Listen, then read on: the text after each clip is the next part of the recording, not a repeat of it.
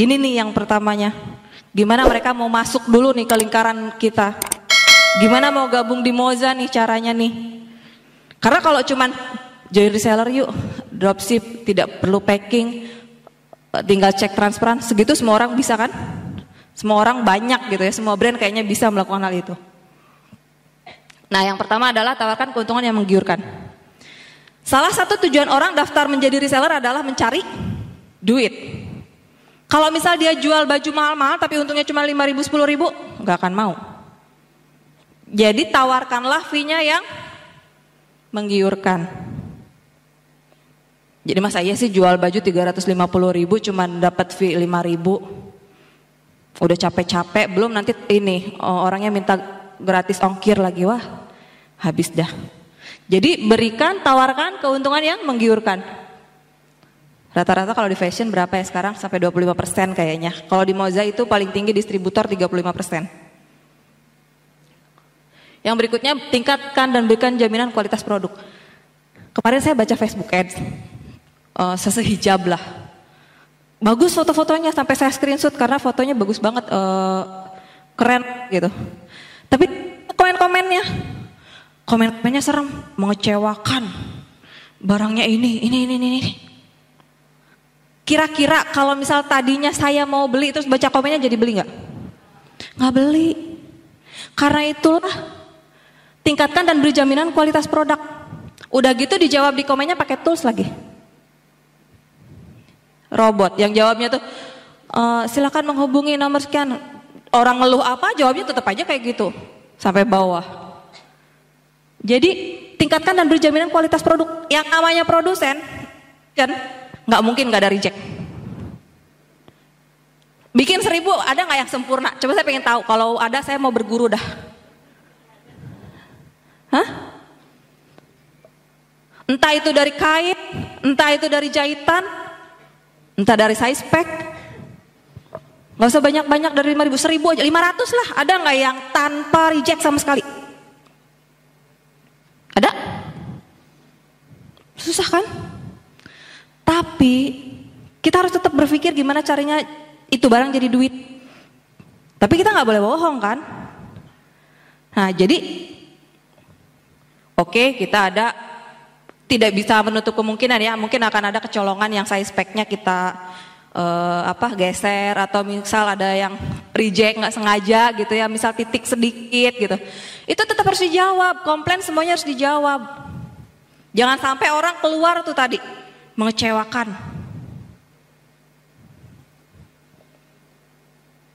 Kalau misal kita ada jaminan kualitas, jaminan uh, produk, reseller bakal pede jualannya. Ah saya mah jualan moza uh, senang-senang aja kalau ada reject nggak apa-apa kok emang diganti dari pusatnya. Tenang kan mereka. Di moza itu diganti tanpa basa-basi. Jadi kalau misal kita uh, ada produk uh, reject terkirim gitu, uh, misal size packnya geser, itu biasanya akan kita ganti tanpa basa-basi. Maksudnya tanpa basa-basi itu tanpa, misal ada bot, oh itu kali kenal-kenal pot kali, oh itu teh kali waktu ngebuka packingnya kegunting, kita nggak ada kayak gitu. Jadi, oh iya teh silakan kirim ke pusat nanti kita ganti, kita ganti seongkir-ongkirnya. Itu servis. Karena kalau di fashion itu apa yang nggak bisa ditiru? Model. Hari ini saya uh, upload, besok udah ada tuh KW-nya di Tanah Abang. Teman-teman saya fashion show hari ini, besok pagi tuh udah ada di Tanah Abang. Warna. Bisa ditiru? Bisa. Jenis kain? Bisa. Jadi kita harus punya value di luar itu. Apa yang nggak bisa ditiru orang lain gitu. Kalau misal kita produknya udah bagus, udah uh, punya value sendiri, reseller bakal tenang jualannya. Mereka bakal seneng, pede. Nah, terus yang ketiga jaga kredibilitas bisnis, produk dan nama baik perusahaan. Makanya kenapa saya kalau yang temenan sama saya di Facebook, saya tuh mau nulis apa pun, nggak jauh-jauh dari mozanya tuh masuk. Mau cerita tentang anak kek, mau cerita tentang rumah kek, mau cerita tentang kehamilan kek, tetap ada Moza. Mau cerita tentang cerpen, biasanya kalau nulis di Facebook panjang-panjang, itu tetap aja ada mozanya. Kenapa? Karena saya harus menjaga ini. Kredibilitas bisnis, produk, dan nama baik perusahaan. Maka saya harus hati-hati posting di media sosial. Karena kalau misal kita ownernya gitu, udah tercoreng, itu udah biasanya merembet ke mana-mana. Saking hati-hatinya sampai saya pernah makan es krim. Tangan kiri saya pegang es krim. Waktu itu saya foto waktu di mana ya? Di Thailand. Tangan kanan saya pegang sendok. Tapi tangan kanan saya ke bawah. Es krimnya di kiri kan. Itu saya posting semua heboh. Wih, Honor Moza makan es krimnya pakai tangan kiri. Ya kan? Hebatnya 62. Iya, saya pernah lagi makan foto selfie karena endorse orang. Kalau selfie jadinya gimana? Itu heboh juga. Makanya saya harus hati-hati sampai suami saya kadang banget uh, fotoin saya candid. Tapi dia suka ngecek, aduh mama lagi nggak pakai kaos kaki, ya nggak diupload. Kalau upload, bukan saya yang uh, rugi sebenarnya, ya rugi sih. Reseller-reseller nanti yang kena. Oh, mau sama ownernya juga begini, begini, begini, begini. Karena sekarang tuh apa-apa dinilai dari media sosial. Itulah hebatnya 62. Nama baik perusahaan itu tugas kita ownernya. Nah kenapa tadi ada CSO yang 10 orang? Yang tadi wajib menjual moza saja, itu kenapa saya jadikan CSO dan memberikan spesial diskon untuk mereka. Karena mereka akan menjadi tangan kanan saya. Nah, di sini kan ada nih. Bisnis online adalah bisnis yang berbasis kepercayaan. Sekali kepercayaan hilang akan sulit untuk kembali. Nah, namanya namanya netizen, mereka bisa berkomentar di mana saja. Ada saja yang mungkin ketika upload produk ada yang komen, "Ih, saya emang nggak suka zat gini-gini," ya kan? Itu harus ada yang jawab. Nah, CSO tadilah tugasnya. Kalau misal kita sendiri nggak akan kepegang. Atau ada yang komplain, ih kemarin saya uh, beli baju tapi tidak sesuai size spek deh. Lebih pendek 2 cm. Nah si CSO ini yang jawab. Tetap dijawab dan gak boleh dihapus. Kalau ada komentar-komentar buruk itu gak boleh dihapus. Orang lain akan melihat bagaimana cara kita menjawabnya. Kita tetap jawab, oh mohon maaf mbak, uh, mungkin ada kesalahan dari pusat, bla bla bla, silakan bisa diretur kok, uh, ongkos kirim akan ditanggung. Gitu. Jadi kredibilitas itu benar-benar harus kita jaga. Karena kalau di zaman sekarang itu nggak kayak dulu ya. Sekali iklan embe di kudung, udah heboh dah. Ya, kambing nggak bisa kur yang kurban kemarin kan heboh banget tuh langsung diturunin. Padahal saya cuma seliweran liatnya itu. Tapi hebatnya 62 yang berikutnya berikan reward dan bonus tambahan bagi agen yang mencapai target penjualan. Ini udah banyak lah ya. Boleh naik haji, boleh naik, boleh ngasih motor logam mulia. Tiap penjualan berapa?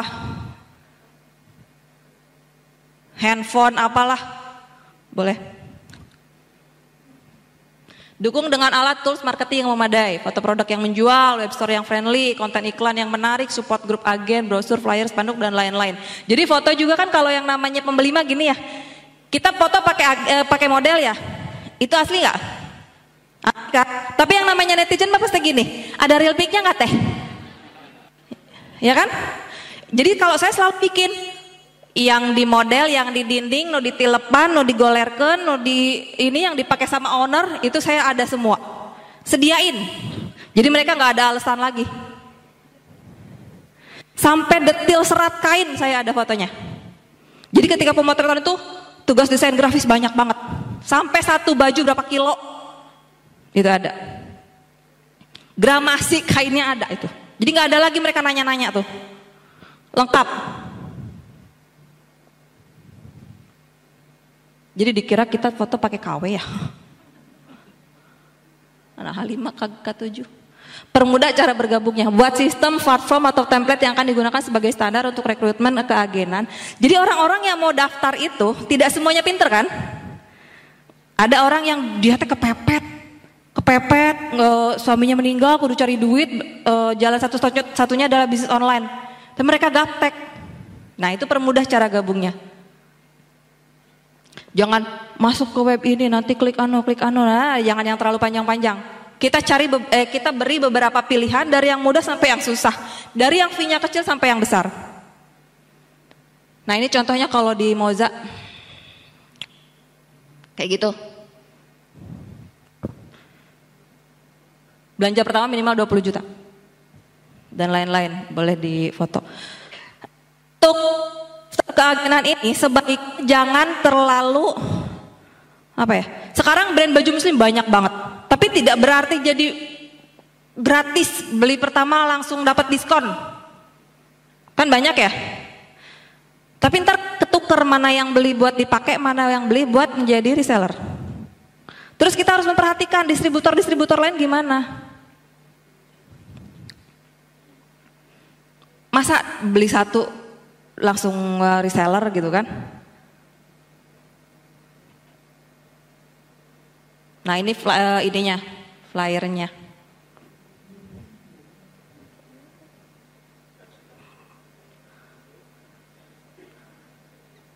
Nah buat database khusus reseller. Eh udah yang tadi? Nah database ini nih yang penting penting banget sih sebenarnya semuanya. Tapi database yang kadang kala saya saya sendiri yang kurang uh, apa ya? Uh, harusnya database ini kita kumpulkan kita benar-benar jaga gitu database semua agen reseller ini lengkap dari mulai nama, alamat, tanggal lahir, hobi, nomor sepatu, nomor uh, apa size bajunya itu harusnya ada lengkap semua datanya.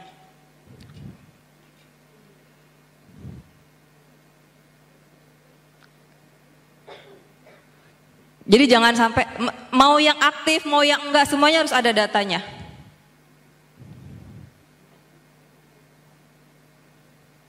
Nah, jalin kedekatan personal dengan seluruh reseller. Ini sih tugasnya owner. Kalau Moza, eh kalau orang yang menawarkan kelebihan uh, fee yang besar itu banyak ya. Orang yang menawar bagus itu juga banyak. Kalau kita promonya baju kita bagus. Ketika orang lain ada bajunya lebih bagus, saya pindah nggak? Pindah. Ini fee-nya 5% loh. Kalau ada yang nawarin 30%, pindah. Maka ini adalah salah satu strategi untuk mereka loyal.